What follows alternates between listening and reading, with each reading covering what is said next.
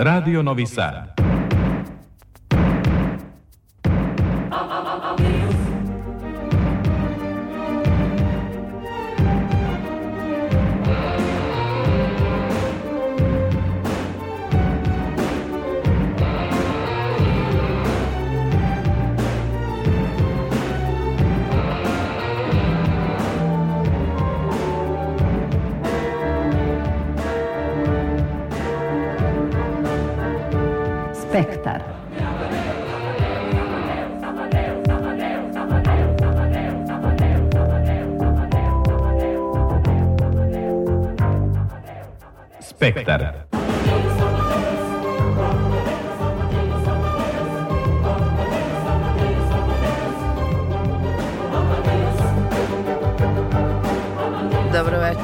ja sam Tatjana Novčić-Matijević. Počinje Spektar, magazin za kulturu Radio Novog Sada. Dobrodošlicu želim svima vama kojim su, kojima su kultura i umetnost dom. Krećemo na zajedničko jedno i posatno putovanje i traganje za lepotom, ljubavlju i smislom stvaranja. U skladu sa kontekstom dana i dana. Za Spektar večeras govore Katalin Ladik, pesnikinja Snežana Minić, pisac Bojan Krivokapić, likovni umetnici Balin Sombat Ištvan Balint i Androš Šifliš, glumci Bojana Milanović i Pavle Hrnčić i Vladimir Kulić, istoričar arhitekture i profesor na Državnom univerzitetu u Ajovi. Vodimo vas i u Solun na Međunarodni filmski festival. Spektar, Radio Novi Sad – i adresa našeg Doma kulture i umetnosti na 87,7, 99,3 i 99,6 MHz ultrakratkih talasa.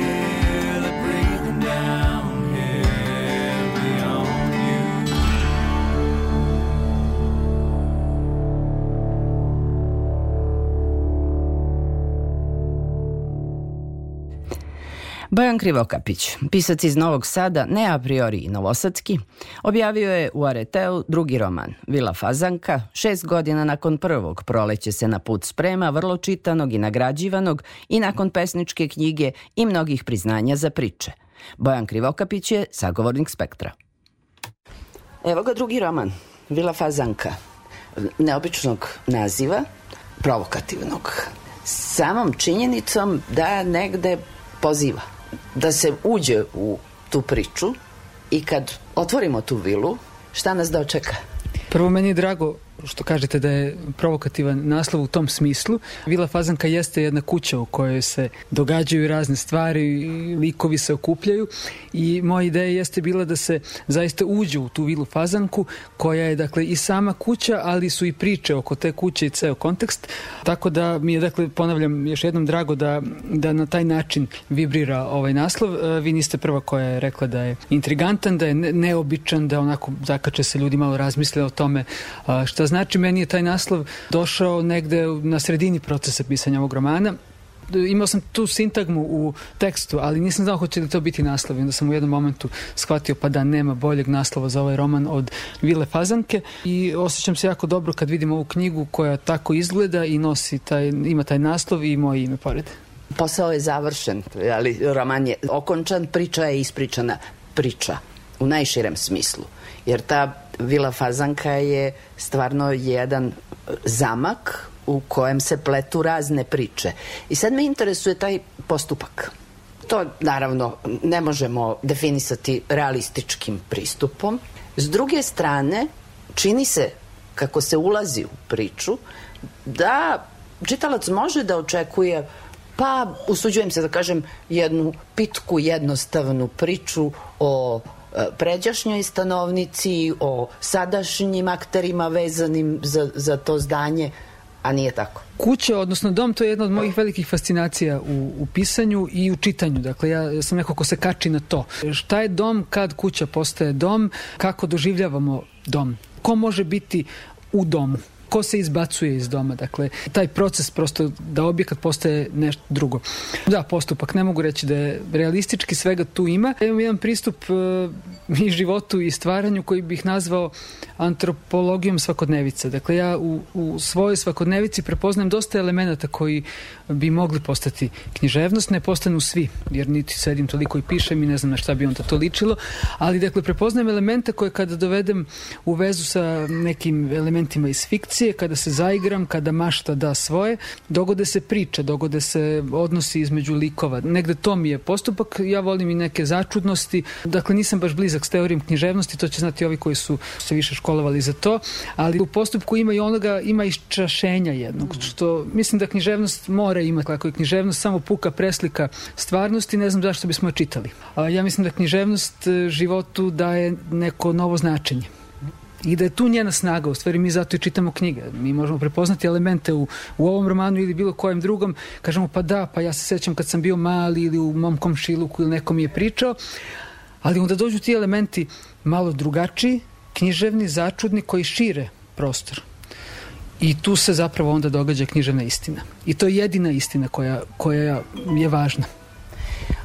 Jel možemo reći da je Vila Fazanka roman o putovanju, o spoznavanju u tom putovanju do onoga što bi se definisalo domom?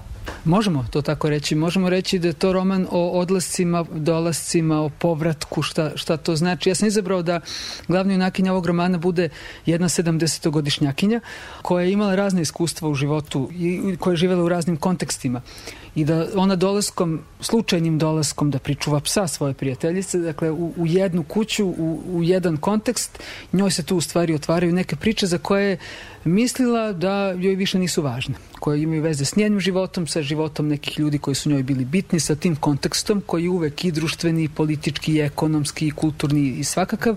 Dakle, tu kreće prosto da se razgranava priča i negde i ona sama i ovi drugi likovi oko nje, oni nekako propituju ono čuveno pitanje, dakle, šta znači odlazak, šta znači povratak. Ima li povratka? Ali oni su se sreli, jedno po jednu se sreću zapravo u vili Fazanke, oko vile Fazanke i kako vreme prolazi, oni shvataju da, da im se događa dom. A nisu baš to planirali. I nisu oni likovi koji po svojim karakterima bi se inače kao sreli po nekom planu. Međutim, u romanu su se sreli i, i sreli su se i nekakva se ljubav dogodila među njima, ljubav susreta, ljubav zajedničkog života, mogućnosti.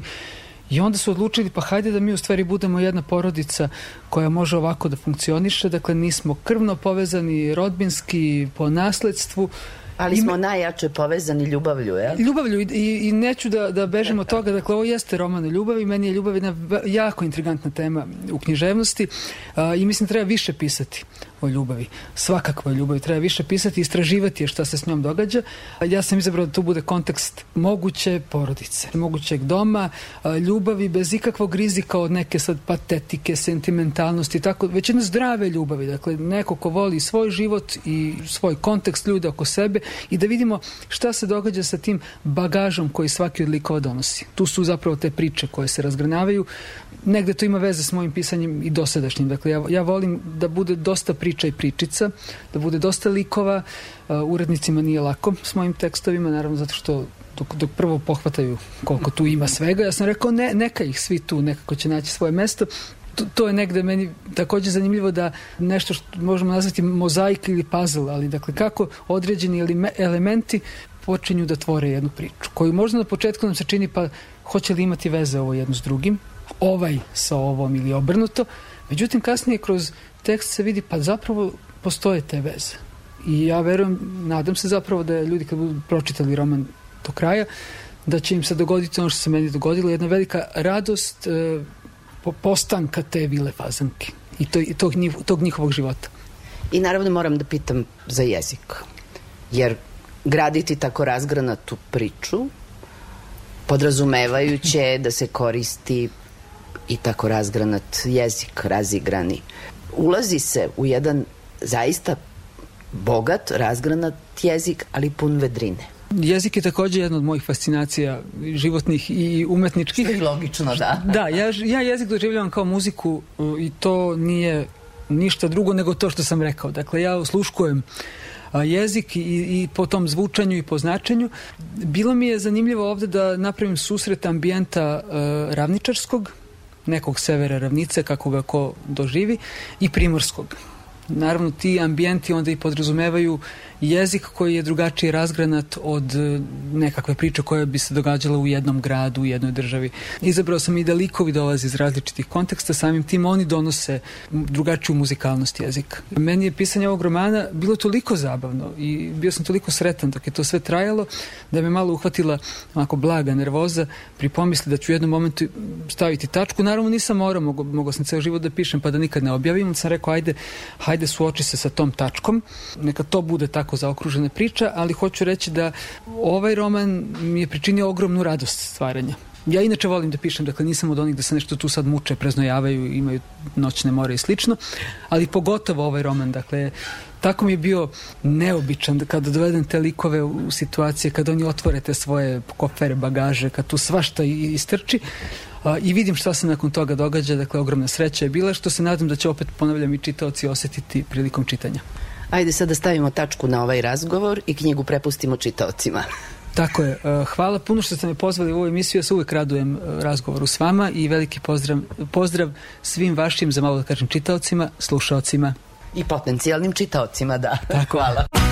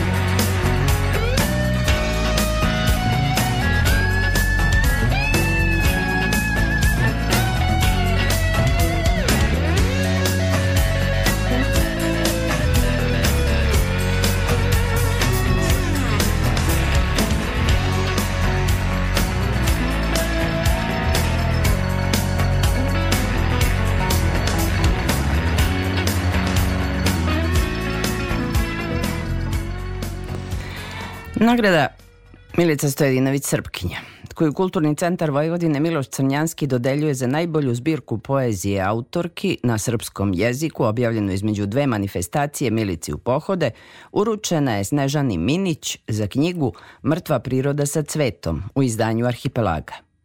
Reč je o izabranim i novim pesmama koje pružaju uvid u celinu pesnikinjenog opusa i ispituju prostore svakodnevice i unutrašnje egzistencije modernog čoveka. Autorka kaže da se bez obzira na decenije provedene u Nemačkoj osjeća formiranom u srpskom jeziku, ističući da je Milica Stojedinović Srpkinja jedino književno prizdanje koje je istinski želela da dobije. Sa Snežanom Minić razgovarala je Isidora Bobić. Stvarate u jeziku vaših čitalaca. Međutim, svoj život ostvarujete daleko od svojih čitalaca. U nekom drugom jeziku, u nekoj drugoj kulturi. Da li je to na neki specifičan način obeležilo vašu poetiku, vaše stvaralaštvo?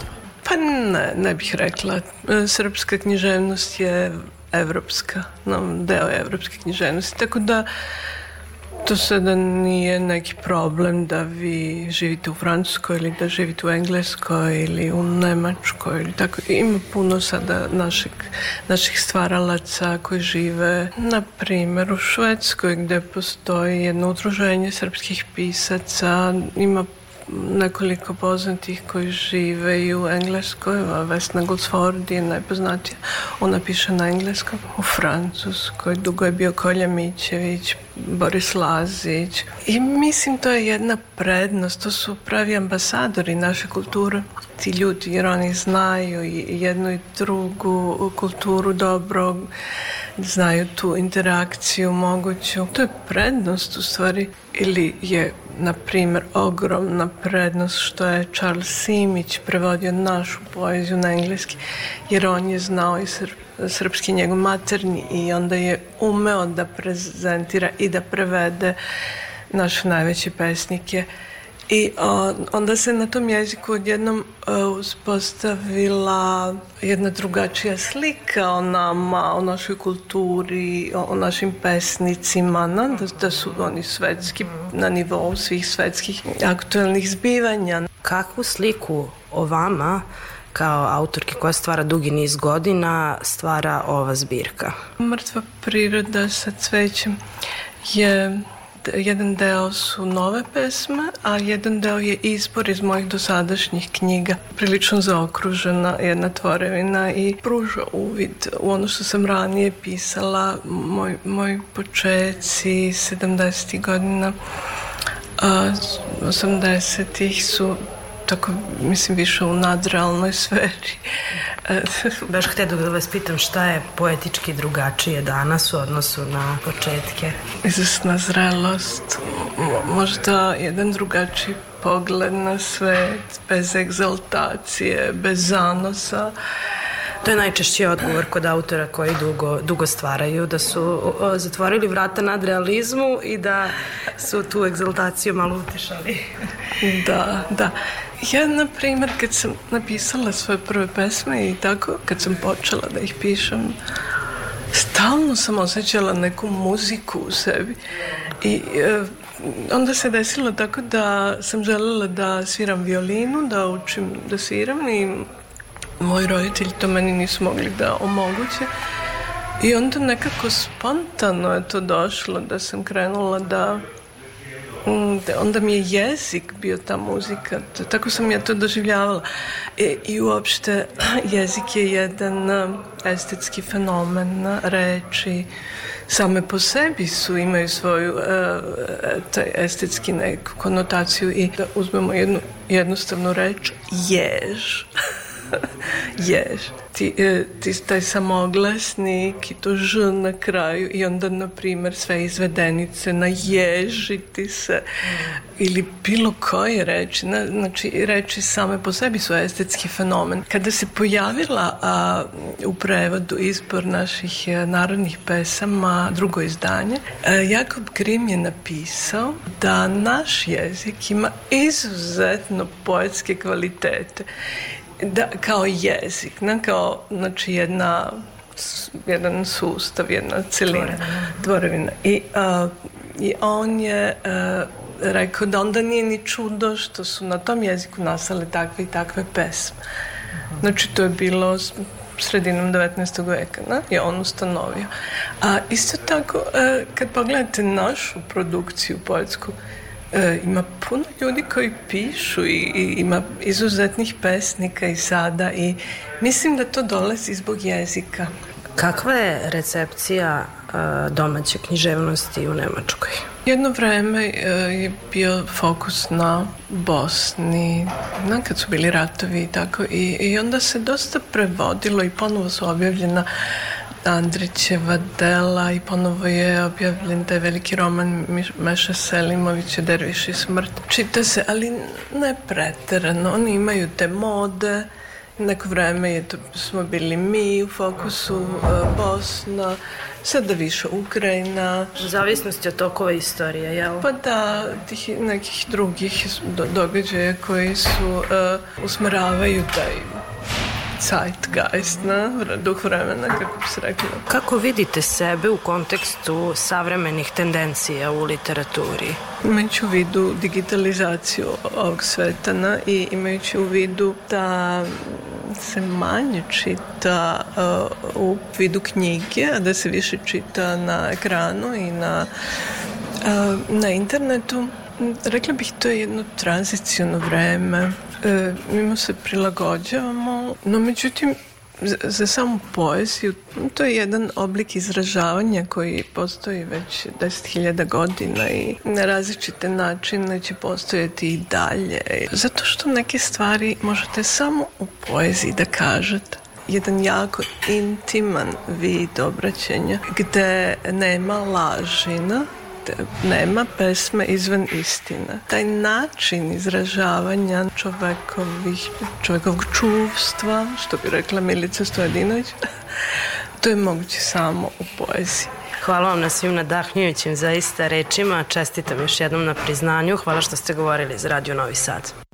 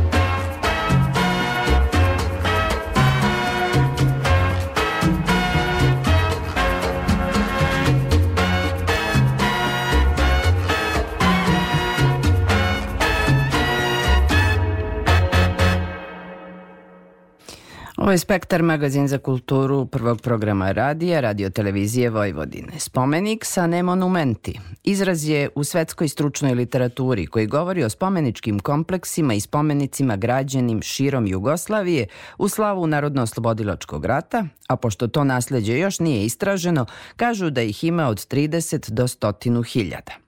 U Muzeju savremene umetnosti Vojvodine, nekadašnjem muzeju revolucije, traje izložba Arhitektura, skulptura, sećanje, koja predstavlja upravo spomenike i spomen obeležja iz Noba. Danas je priređena i naučna konferencija koja je potvrdila to da je tema široka, a metafore višeslojne i složene. Gost skupa bio je i Vladimir Kulić, istoričar arhite- arhitekture i redovni profesor na Državnom univerzitetu u Ajovi, kustos koji je pre pet godina u Njujorskom muzeju MoMA priredio izložbu o našoj socijalističkoj arhitekturi. Danas se u svetu naša spomenička kultura posmatra kao svojevrsna ikona futurizma, kaže Vladimir Kulić u razgovoru sa Aleksandrom Rajić. Spomenička kultura iz Narodno-slobodilačke borbe, ona e, pravljena kako je zamišljeno po ovoj nacionalnoj naučnoj konferenciji do 91. godine. Najpre zanimljiv podatak da smo tako dugo pravili socijalističke spomenike, a potom e, svakako u javnosti ponovo izazivaju pažnju. Šta mislite šta je razlog tome? Pa više struki su razlozi, naravno. Jedan od ključnih razloga je to što je njihova a, estetska inovativnost pre jedno 10-15 godina sticajem raznih okolnosti dospela u žižu interesovanja jedne grupe prvo umetnika, onda fotografa, a, da bi a, dosta brzo našla put do društvenih mreža i a, raznih digitalnih medija i tamo napravila recimo boom. Tako da je u pitanju jedan skoro pop kulturni fenomen, jel? Ovaj, a da su, da su ti spomenici nekoliko decenija nakon a, nastanka i recimo 10-15 godina nakon što su navodno jel, postali i relevantni kao nekakvi proizvodi a, socijalizma, ovaj, koga više a, nema, postali jedna vrsta retrofuturističkih ikona. Jel? To je jedan od povoda, a naravno ima i drugih mnogo značajnijih povoda u tome da se mi na neki način globalno u političkoj situaciji a, danas a, nalazimo na sličnoj, sličnim pozicijama kao negde pre a, 100 godina gde je došlo do ekstremnog a, raslojavanja i u ekonomskom smislu s jedne strane, a to uvek vodi ka, ka političkom ekstremizmu i da mi sada ove, smo došli u situaciju da se suočavamo sa nekim novim vrstama fašizma, ove, gde su ovi spomenici, kao spomenici antifašizmu, dobili jednu potpuno novu dimenziju relevantnosti. Kada govorite o tome da su ponovo u fokusu pažnje najpre fotografa i istoričara arhitekture, govorite li samo o ovom našem prostoru ili je ta recepcija i negde šira i dalje? Imam pre svega u vidu to da ste u Muzeju moderne umetnosti priredili izložbu e, koja govori o, upravo o toj socijalističkoj arhitekturi u Jugoslaviji. Da, tu je sada postoji taj širi okvir a, istorije arhitekture a, gde postoji paralelni a, fenomen pop kulturni fenomen, jel, recepcije u, u, u digitalnim medijima, gde ono što se zove često ove, brutalizmom, dospelo isto u, u slično vreme u, u žižu pažnje. I toga, tog navodnog brutalizma ima malo problem sa, sa tim a, terminom, mislim da je previše limitirajući, je proizvedeno dosta u, u, u čitavoj istočnoj Evropi, ali i globalno u celom svetu. To apsolutno nije bio samo fenomen limitiran na, na a, Jugoslaviju ili na, na a, istočnu Evropu. Ta izložba je a, počela, povodio je bio nekakvo uh, obnovljeno interesovanje za brutalizam, ali na kraju ona je ispala ja kao jedan od, od uh, kustosa moja percepcija da to u stvari nije bila izložba o brutalizmu iako se beton pominje u, u naslovu, nego je bila izložba o društvenoj funkciji arhitekture, koja je a, danas isto globalno potpuno devalvirana, a, potpuno je upisana u nekakve komercijalne tokove novca, kapitala i tako dalje, gde, gde nekakva društvena odgovornost i društvena dimenzija arhitekture su ove postale samo o ovom ne, ne, ne, apsolutno globalno govorimo. Mi smo samo sada, ovo što se oko nas dešava je mali simptom onoga što se univerzalno dešava već 30-40 godina uh, u, u, u svetu i tu, su, tu se radi o širokim globalnim trendovima bez obzira na ideološke podele, na blokove i tako da, na razvijenost i tako dalje. Tako da je uh, sada ta Jugoslavija na neki način uh, i arhitektura Jugoslavije su se postavili kao nekakav antipod onome što se danas dešava jel, u čitavom svetu, u arhitekturi, u tome kako vladamo prostorom, kako koristimo prostor, kako posjedujemo prostor u krajnjem slučaju i to je na neki način bila jedna vrsta oživljavanja, interesovanje za, interesovanje za ono što često zovemo utopijom. Ovaj, ja malo i sa tim imam ovaj problem, jer je puno toga navodno utopijskog bilo realizovano u stvarnosti. Ali s druge strane ta utopijska dimenzija je značajna jer nam omogućava da razmišljamo o, o drugim mogućnostima, da ne vidimo ovu sadašnjost u kojoj živimo kao jedinu moguću, nego da, da možda a, razumemo da, da su promene ipak, Verujemo i ipak moguće, apsolutno. Koliko smo zanimljivi svetu kada je reč upravo o tom periodu, o toj arhitekturi, a imamo u vidu i to što je ovak, što su ovakvi spomenički kompleksi karakteristični, ako se ne varam, samo za nekadašnju Jugoslaviju, kada je reč o tom nekom uslovno govoreći istočnom bloku, pa i naravno kada je reč o, o zapadu.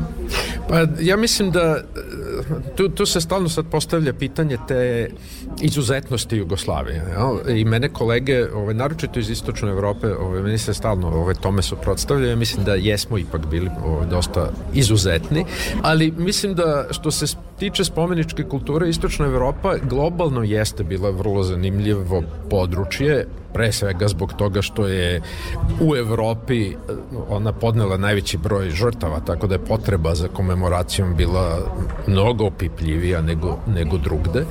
Tako da je tu bilo velikih, bitnih iskoraka u, to, u promišljanju komemoracije. Tako da imate primjera naročito recimo u Poljskoj koji su, koji su bili vrlo inovativni i zanimljivi. Ali ja mislim da intenzitet te inovativnosti a, nije nigde se dogodio kao što se dogodio u Jugoslaviji i mislim da je upravo to ono što je najzanimljivije, najvrednije po pitanju te spomeničke kulture proizvedene u tom periodu. Danas se dosta često a, malo redukuje ta slika, naročito je kroz digitalne medije gde, vi, gde se to sve posmatra kroz dvodimenzionalne a, fotografije, gde se eliminiše čitav niz slojeva značenja jel, koje, koje se mogu a, shvatiti tek kada ste prisutni na mestu. Ne vidi se da su i malo derutni, dobar derutni. Na, naravno i to je problem, ali ne svi, to isto nije univerzalno. Nemoguće nemoguće generalizovati bilo šta za, za a, te spomenike. Mislim da to ono što je najzanimljivije da je tu postojala jedna neverovatno bogata, intenzivna kultura komemoracije s koje mislim da može da se uči i danas. I samo ukratko na kraju da vas pitam, jeste li obišli ovu zgradu sad? Jer se i ona uklapa u to o čemu pričate u socijalističkoj arhitekturi.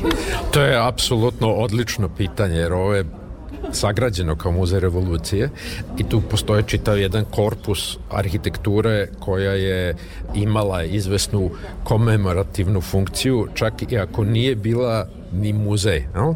Pri tome mislim na, na različite prostore širom Jugoslavije, ovaj, počeo od generalštaba u, u Beogradu ovaj, do, ne znam, trga revolucije u Ljubljani, današnji trg Re, Republike, gde je komemorativna funkcija na neki način ugrađena u temelje forme, tako da je ova zgrada apsolutno deo, deo cele te priče i onako je jako simbolično i, i značajno da, da, da, da mi o spomenicama govorimo baš tu.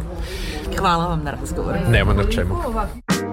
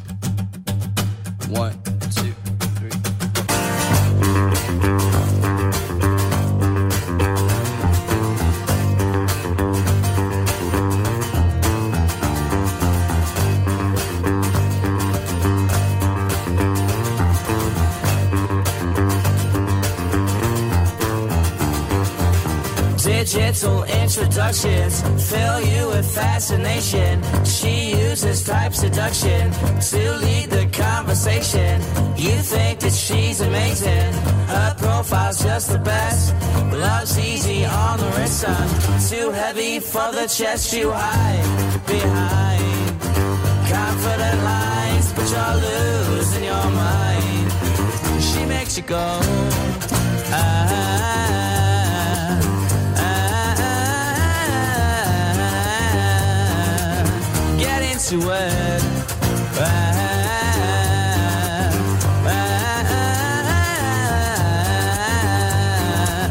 Get into it.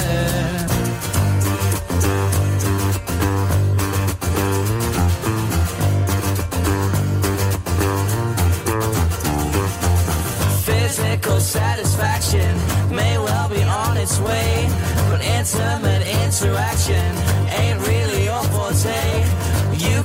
decide your next move. You're fickle at your best.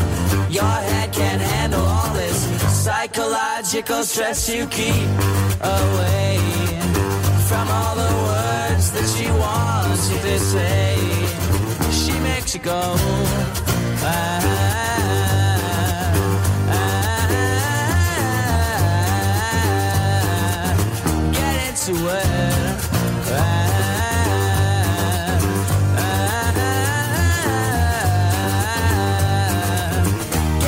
away.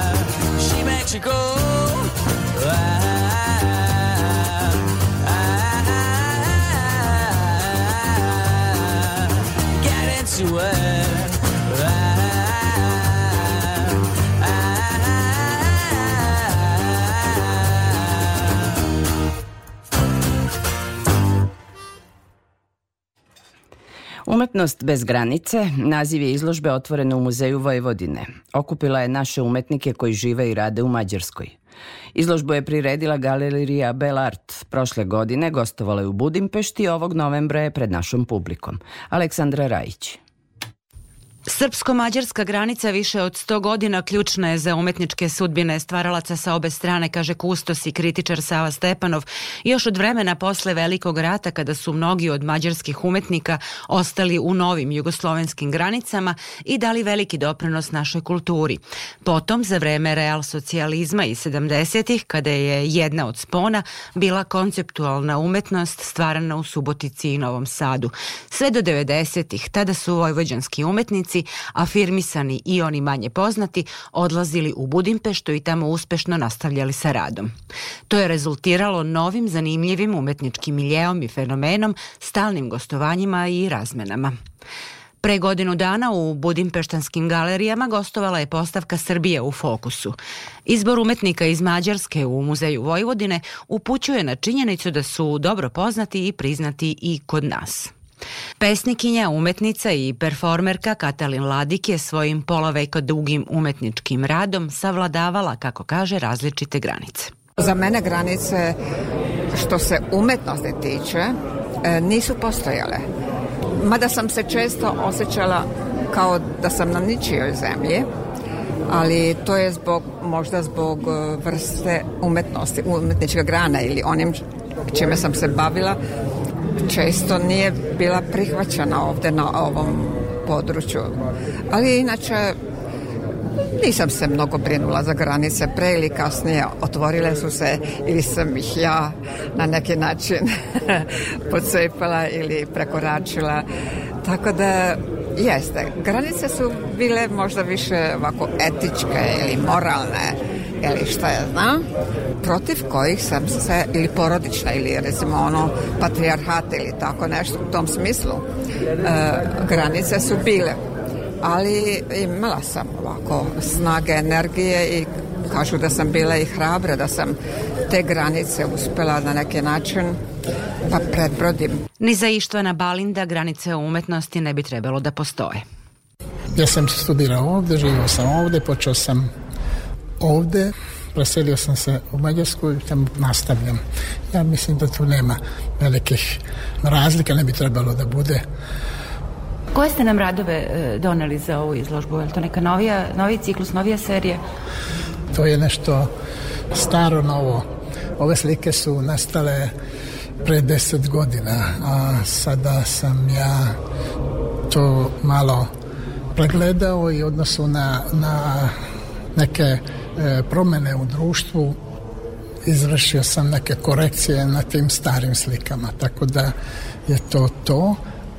Futbol? Ove, futbol, futbol je futbol, mislim, to je kao zakon Moji radovi su ipak neke kritike u odnosu na, na društvu, šta se dešava, kako se dešava, da li je to dobro i moram imati neke informacije koje eto pokušavam preko mojih radova da dostignu gledalcima, mislim ljudima. Pa što se tiče futbala, recimo u našem našoj državi, jel, u Mađarskoj, u zadnjih deset godina e, napravljena 32 stadiona. A zero bolnica, to je to. Tu nekako ta harmonija se izgubila. Mislim da to nije dobro. Andras Šifliš ipak podsjeća da je granica bila razlog što je ova izložba, najavljena za septembar, pomerena iz proceduralnih razloga. Pa ne znam da li je to srećan naziv bez granice, jer baš zbog granica je bio problem za, za otvaranje u septembru. To se preskočilo jer nisu tam, atakarne ili nešto nisu to sredili. Ali e, mislim da na primjer ja ili Sombat ili, ili um, Katalin Ladik, mi smo izlagali širom sveta i mi smo uh, svugde gde gde nas prime i gde nas zovu. I uh, hvala Bogu stvarno smo uh, dosta izlagali. Ja sam isto na, u Italiji, u Nemačkoj puno i u Americi, Grčkoj, svugde.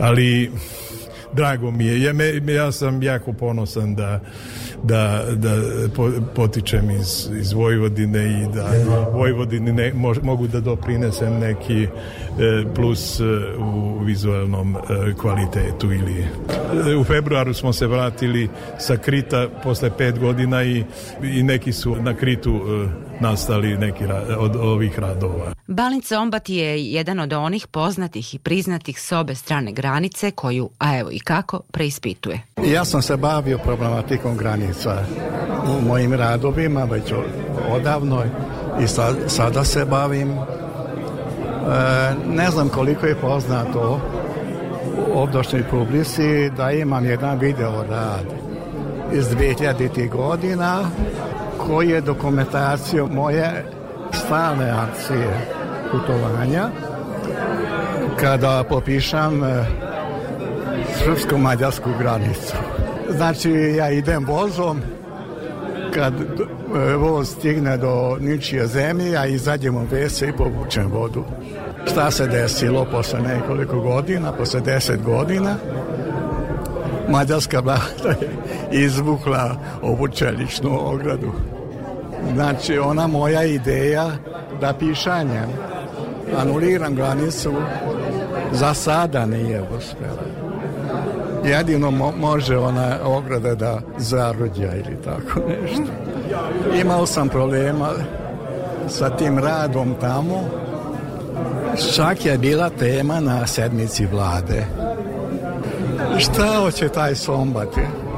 On piša po svetu granicu. I tako i bio je veliki skandal kad sam to prikazao u tamošnjem jednom od najvećih institucija. Prošle nekoliko meseci i na jednom otvaranju izložbe priđe mi dvoje iz te strukture vladajuće i kažu mi jao, izvini, banite, pa nismo od nas shvatili da ti pišaš na trijanonsku granicu. Pa ja rekao, da, pišem na trijanonsku granicu, ali ne, ne samo na tu, nego na sve granice, na sve koje postoje. Još dva umetnika predstavljene su na izložbi u Muzeju Vojvodine, Bela Marijaš i Milorad Krstić. Postavka pokazuje da u njihovom preispitivanju univerzalnih umetničkih tema ne izostaju ni interesovanja za lokalne. Izložba traje do polovine novembra.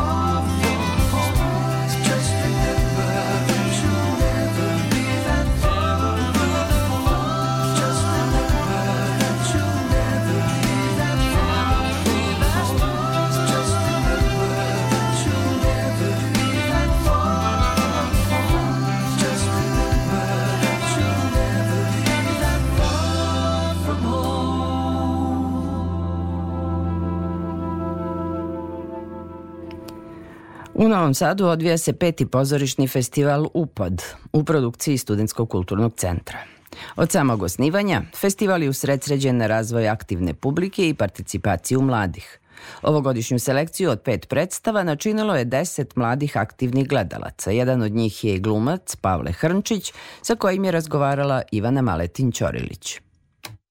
Upad nastavlja da otvara osetljiva pitanja, postiče kritičko razmišljanje i izmešta nas iz te zone komfora. Koji je bio light motiv ovogodišnjeg programa? Kako smo gledali šta bi to mlade ljude zanimalo, shvatili smo da kao što i nas mladih ima mnogo, tako ima i mnogo tema koje mlade ljude zanimaju. Tako da smo birali teme u skladu sa i našim potrebama i ono što mi mislimo da bi mladi ljudi želeli da vide. Tako smo nekako, baš je šarenolik ovaj, dijapazon taj, tih tema ove godine, ali se sve tiču mladih ljudi, nekih modernih uh, tema, kao što je, na primjer, bila ova tema obrazovanja, nastavnika, škole generalno. To je tako nekako uvek, uvek je prisutna. Upad slavi peti rođendan i čini mi se da je od starta uspeo da skrene pažnju mladih, da ih privuče u pozorište i da otvori dijalog, što je redko, pogotovo kada reč pozorištu kao o instituciji. Jeste i ono što mi najviše volimo da vidimo jeste ovako puna sala uh, mladih ljudi, da su sva mesta zauzeta. Uh, to je stvarno nešto što, na šta smo ponosni, a to je da se mladi ljudi osjećaju pozvano i sigurno i dobrodošlo na ovaj festival. Da ovo stvarno jeste pozorište za sve, ali je pogotovo namenjeno mladim ljudima i nekako stvarno meni pogotovo bude drago kada vidim toliki broj mladih da sedi, da učestvuju u tim razgovorima posle predstave. Nekako postali smo deo grada i ljudi tako pričaju, joj, jedva čekamo festival, jedva čekamo da dođemo, šta će biti ove godine, joj, dolazim u utorak i četvrtak na predstavu i tako. To mi je baš, baš mi je drago, tako da da, svakako mislim da smo uspeli nekako da napravimo neku, neku lepu priču za mlade ljude. Jesu li upravo ti okrugli stolovi i porušili te barijere između publike i pozorišta? Ja se nadam da jesu i nadam se da su porušili pre svega mi se ovde trudimo da srušimo uh, te predrasude da pozorište mora da bude sad e, nešto jako ozbiljno ili da je to neko mesto gde te je e, neko odveo, nego da je pozorište mesto za svakoga i pogotovo za mlade ljude. Tako da ti okrugli stolovi, mi više volimo da ih nazovemo ti razgovori o temama te predstave. Nije to baš forma okruglog stola, ovo je više jedan dijalog mladih ljudi i ekipe predstave uh, gde rušimo generalno zidove predrasuda o tome da li uh, je pozorište za mlade ljude ili nije, svakako jeste. Rušimo te barijere koje mladi ljudi imaju prema nekim institucijama. Da se osjećaju lepo, sigurno i pozvano da dođu u pozorište. Ili to onda dolazi u stvari do tog suštinskog razumevanja, razmene mišljenja i debate o temi koju predstava i tretira? Svakako. Uh, mi baš i ovde nekako se trudimo da damo svima šansu da izraze svoje mišljenje, trudimo se da postoji taj neki pluralizam, ta neka, uh, kako da kažem, uh, mogućnost da neko uh, kaže šta, šta misli, da kaže neke svoje stavove, da se otvori jedan dijalog između svih nas, ajde tako da kažem, da, da se otvori jedna javna ovaj, jedan, jedan razgovor, tako da, da svakako, to je, to je mesto za kritičko razmišljanje, za uh, savete, za deljenje iskustva i tako dalje. Kako vidite dalji razvoj festivala? Koliko se razlikuje ono prvo izdanje od sada ove pete godine? Mnogo toga ste prošli i iskusniji ste, imate verovatno jasniji fokus? Svakako. Uh, prvi festival u poređenju sa ovim. Petim je stvarno bio nekako mnogo haotičniji uh, za nas, zato što smo tek ušli u to, bilo smo mnogo nekako neorganizovani, bili smo mlađi, uh, nismo ni mi sami nekako tako čvrsto stojali iza ideje koje promovišemo, iza, iza vrednosti za koje se zalažemo, tako da je možda najveća razlika u tome koliko osjećamo ovaj sad festival i koliko se osjećamo kao da pripadamo ovom festivalu i nekako dalji razvoj vidimo u tome da nastavimo da budemo uh, svoji i da nastavimo da promovišemo ideje da mladi ljudi treba da kreiraju sadržaje za mlade ljude i da je pozorište mesto za svakoga. Tako da dalji razvoj vidimo samo u još nekim boljim i jačim upad festivalima. Hvala na razgovor. Hvala vam. Potpuni muk. A potom bujicu emocija i reči u Studentskom kulturnom centru Fabrika izazvala je duodrama američke spisateljice Johne Adams Gideonov čvor u produkciji gradskog pozorišta u Bečeju. Priču o samoubistvu dečaka kroz dijalog Gideonove majke i nastavnice ispričale su glumice Bojana Milanović i Simonida Mandić. Sa Bojanom je razgovarala Ivana Maletin-Ćorilić. Da krenemo od ovog opšteg utiska nakon predstave, to je kao da smo prisustvovali jednoj kolektivnoj psihoterapiji, e, što za vreme samog igranja, to posle u razgovoru sa publikom gde smo dobijali zaista iskrene komentare i ispovesti i žrtava vršnjačkog nasilja i nekoga ko je to možda gledao sa strane i drugačije doživeo Kako to utiče na vas? Nemate često priliku da svedočite ovakvim događajima? Da, ovo je zaista bio jedan neverovatan događaj. Igranje svakako. Mi zaista, pored toga što je teška tema i osetljiva, volimo mnogo da igramo ovu predstavu i e, upravo zbog toga što osetimo publiku i nekako osetimo da su tu sa nama, da nas prate, da, da slušaju i da učestvuju sa nama u predstavi. I to je nama stvarno mnogo značajno, a pogotovo kada se posle ovakve predstave, e, to jest posle ovakve teme, suočimo u nekom razgovoru i kada e, svedočimo takvim priznanjima, onda nam je to naravno još mnogo, mnogo važnije i od same predstave, jer predstava je tu da potakne publiku i nas i e, ako je u ovoj meri uspela večeras da potakne ove mlade ljude koji su bili večeras, onda nam je utoliko draže i uspeli smo u tome. Predstava se bavi jednom vrlo delikatnom temom e, suicida kod maloletnika. Jedna rečenica mi je posebno ostala u glavi, a to je ona koju izgovarate vi u liku majke nastavnici, a to je e, moj sin se ubio jer nije mogao da se uklopi u kutiju vaših dimenzija. Ja sam došla samo da saznam šta se desilo, ne dobijem odgovor. Koja slika vam prolazi kroz glavu u tim momentima? Upravo, upravo to, baš tako kako je napisano, to, to mi prolazi kroz glavu. Jedna Jedna Ali kutija... to naša realnost? To jeste naša realnost, nažalost. Jedna kutija određenih dimenzija po kojoj treba da se kao plastelin rasporedimo, da je popunimo, da se lepo razvučemo i da ne idemo van tih okvira. E, baš to mi prolazi kroz glavu najbanalnije i najplastičnije moguće. Eto, ja, ja vidim to i vidim tu decu i ne samo decu, nego i nas koji smo tako razvučeni u okvirima, u društvenim okvirima, u nekako onom što je prototip, što je normalno, što je tako treba i mi se svi nekako u većoj ili u manjoj meri tome prilagođavamo. Hteli ili ne hteli to da priznamo, redki su oni koji probiju te okvire i koji idu za sobom. To je stvarno jako redko.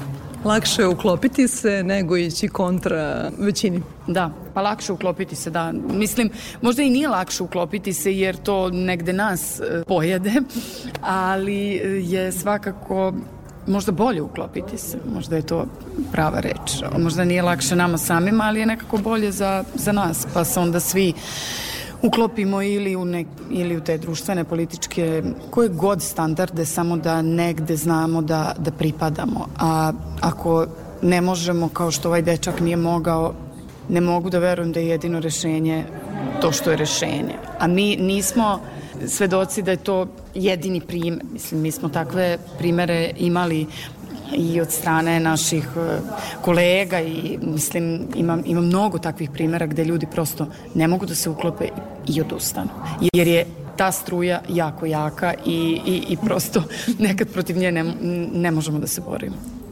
Da, u američku duodramu igrate već tri godine. Koliko su ovi nemili događaji u Beogradu i drugim gradovima u našoj zemlji uticali na vas i na vaše izvođenje? Jesu li bacili neko novo svetlo na ovu priču koja nam se činila dalekom, ali odjednom postala i naša? Da, pa svakako da jesu, naravno, sad ta predstava i uvek narasta, mislim, kako god neki događaj se e, desi, ona stvarno dobija opet još neku novu dimenziju i mislim to je jako, jako u stvari e, teško i mučno e, sa tim boriti se kad znaš da je ta predstava i ta tema aktuelna iz dana u dan sve više i više i da to, tome nema kraja, ali stvarno nema kraja i teško je stati na scenu. Ja se ponekad bojim da igram ovu predstavu. Eto, ja volim da igram i prosto uživam dok je igram, ali ja se ponekad plašim da će da izađe neko dete ili neki roditelj ili neki nastavnik i da kaže vi nemate pojma o tome. To, toliko je to osetljiva tema da je odgovornost neverovatna. Na sceni, meni kao glumici, mm, ogromna. I zbog toga drago mi da imam mogućnost da igram, ali svako igranje je uh, onako jedna velika borba uh, sam sa sobom da izađeš na scenu i da sve te reči onako i, i, i rečenice saspeš i da da znaš da mnogo više pogađaju i, i, i, i bole jer prosto nije, nije sve jedno.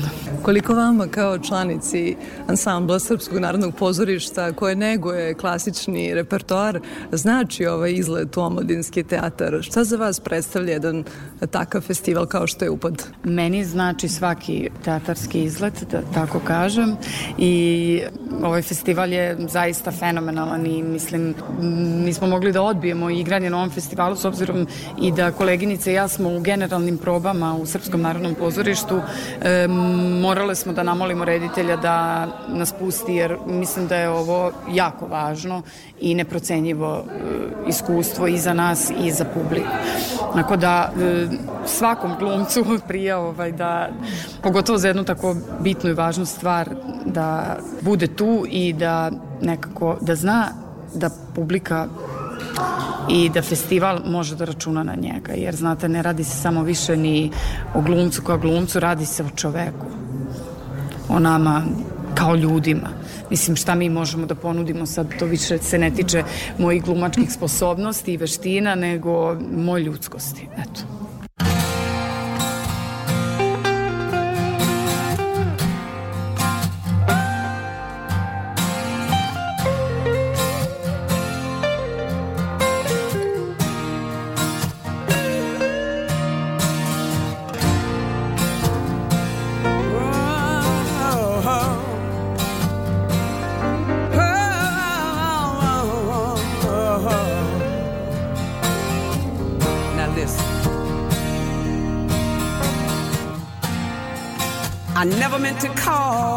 any sorrow. Mm-mm. I never meant to cause you any pain. I only wanted one time to see you laughing.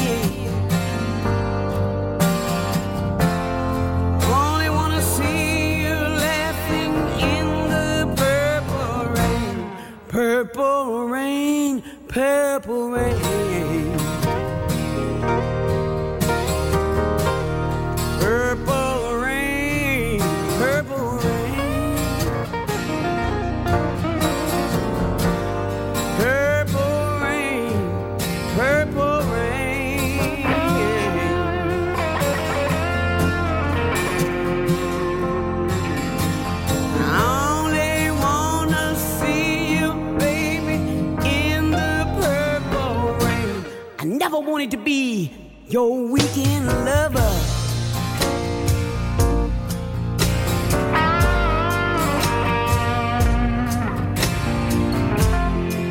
I only wanted to be some kind of friend, baby.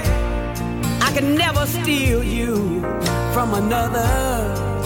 Oh no.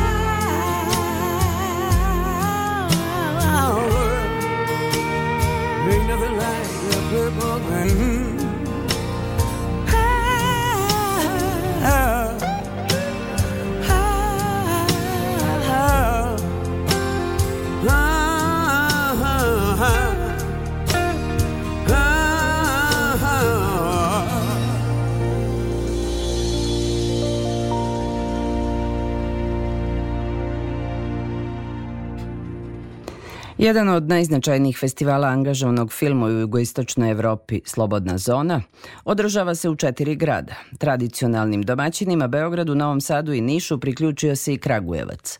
Do nedelje u 14 bioskopskih sala biće prikazana 64 igrana i dokumentarna filma. Osim prestižnih priznanja na svetskim festivalima, sva ostvarenja povezuje sličan tematski okvir – preispitivanje i razumevanje ljudskih prava i srodnih pitanja koja se postavljaju u svetu i regionu, pozivajući na preuzimanje odgovornosti u socijalnom i kulturnom kontekstu. Delu filmskog programa, publika iz cele Srbije moći će da pristupi putem platforme Kino Couch od ponedeljka pa do 19. novembra. A u Solunu je sinoć otvoren 64. Međunarodni filmski festival. Do 12. ovog meseca biće prikazano 270 ostvarenja. Pojedinosti iz Soluna, Goran Vukčević. Selektori festivala odabrali su ukupno 270 igranih filmova, među kojima su i filmovi debitanata koje predstavlja glavna takmičarska selekcija, ukupno 11 naslova iz Rusije, Sjedinjenih američkih država, Kanade, Grčke, Holandije i Francuske sa nizom zemalja koje su prisutne kao koprodukcioni manjinski partneri. Takođe, publika u Solunu biće u prilici da vidi i najuspešnije ostvarenja aktuelne svetske produkcije. Filmove nagrađene na najznačajnijim festivalima kao i nekoliko retrospektiva autora.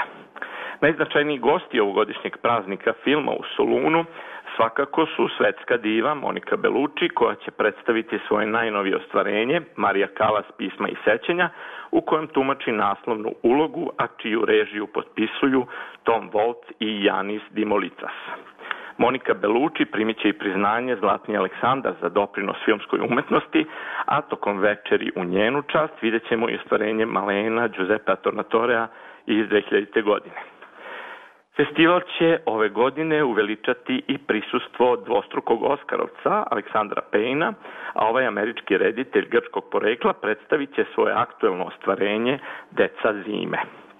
Festival je ove godine u znaku sećanja na legendarnog Mišela Dimopulosa koji je preminuo u aprilu ove godine, a ovaj veliki poznavalac filma uobličio je Solonski festival i svrstao ga u rang svetskih, po, svetski poznatih festivala.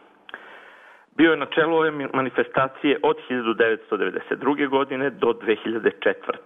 Dovodio je najveće svetske autore našeg vremena i pisao značajna dela iz oblasti filma. Posebno je zanimljivo što je visoko cenio autore sa jugoslovenskog prostora i velikane filma poput Živojna Pavlovića, Dušana Makaveva, Srđana Karanovića i Gorana Paskaljevića. Priredio je i njihove retrospektive. U njegovo vreme, uglavnom programu predstavljeni su srpski filmovi poput Lepa sela Lepogore, Apsolutnih 100, dok je Bure Baruta Gorana Paskaljevića otvorilo festival 1998. godine. Od ove godine u njegovu čast, dakle u čast Mišela Dimopulosa, biće dodeljivan i zlatni Aleksandar Mišel Dimopoulos za najbolji film u selekciji Meet the Neighbors, to je nova selekcija e, filmova iz susedstva, ovoga puta to e, podrazumeva širi prostor nego što je bila do sadašnja sekcija Balkanske panorame. E, dakle, ove godine e, nova nagrada, nova selekcija i nema više Balkanske panorame, ali će se u omaš programu e, značajnih naslova sa Balkana u posljednjoj deceniji naći i film Moj jutarnji smeh. Značajno je, pomeni, po, značajno je pomenuti da će i ovoga puta poseban akcenat biti na pratećoj manifestaciji posvećenoj filmovima u nastajanju, kojim festival pruža podršku mladim autorima u potrazi za koproducentskim partnerima. Festival je otvoren e, festival u Solunu, dakle ovogodišnji 64. Inače, otvoren je francuskim filmom Na vatri, koji je svojevrstan omaž majstorstvu kulinarstva, a u u ovoj priči o ljubavi i hrani briljira Žilijet Binoš, e, a ostvarenje potpisuje Tran An Hung, koji inače upravo za ovaj film ovenčan e, na ovogodišnjem kanu nagradom za režiju. Festival će biti zatvoren u nedelju 12. novembra dodelom priznanja i projekcijom najnovijeg filma Akija Kaurismakija Opalo lišće. E, značajno je još i da pomenem da će festival predstaviti i aktuelne filmove velikih autora kao što su Radu Žude, Mateo Garone, Michael Wittersbottom, Ken Loach, Marko Bellocchio, Christian Petzold i drugi,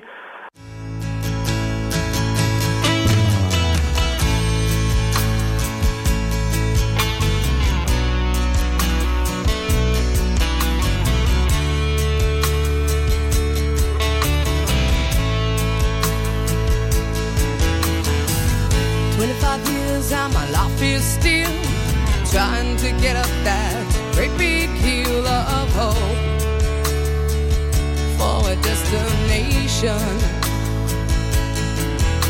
I realized quickly when I knew I should that the world was made up of this brotherhood of man. For whatever that means.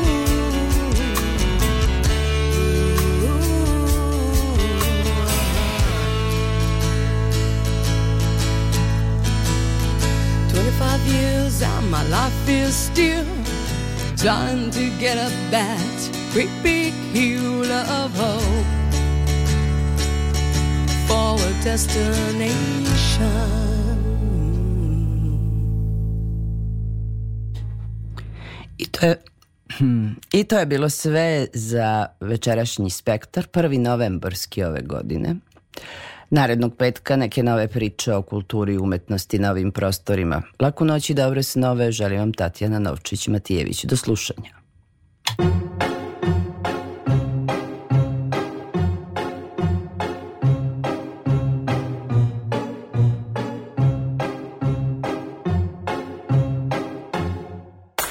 I'm sitting just another rainy Sunday afternoon. I'm wasting my time, I got nothing to do. I'm hanging around, I'm waiting for you, but nothing ever happens. And I wonder. I'm driving around in my car. I'm driving too fast, I'm driving too far. I'd like to change my point of view. Feel so lonely, I'm waiting for you, but nothing ever happens. And I wonder. I wonder how, I wonder why. Yesterday you told me about the blue, blue sky, and all that I can see is just a yellow lemon tree. I'm turning my head up and down. I'm turning, turning, turning, turning, turning around,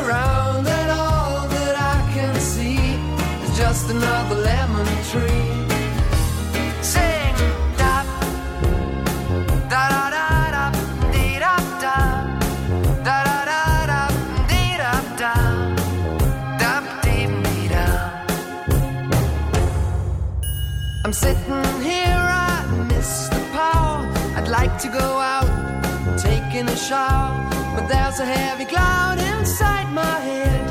I feel so tired, put myself into bed. Well, nothing ever happens, and I wonder. Isolation is not good for me.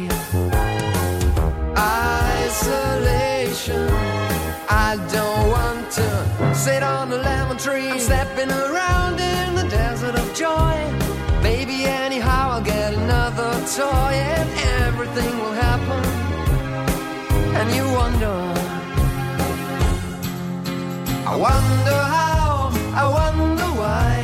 Yesterday you told me about the blue, blue sky, and all that I can see is just another lemon tree.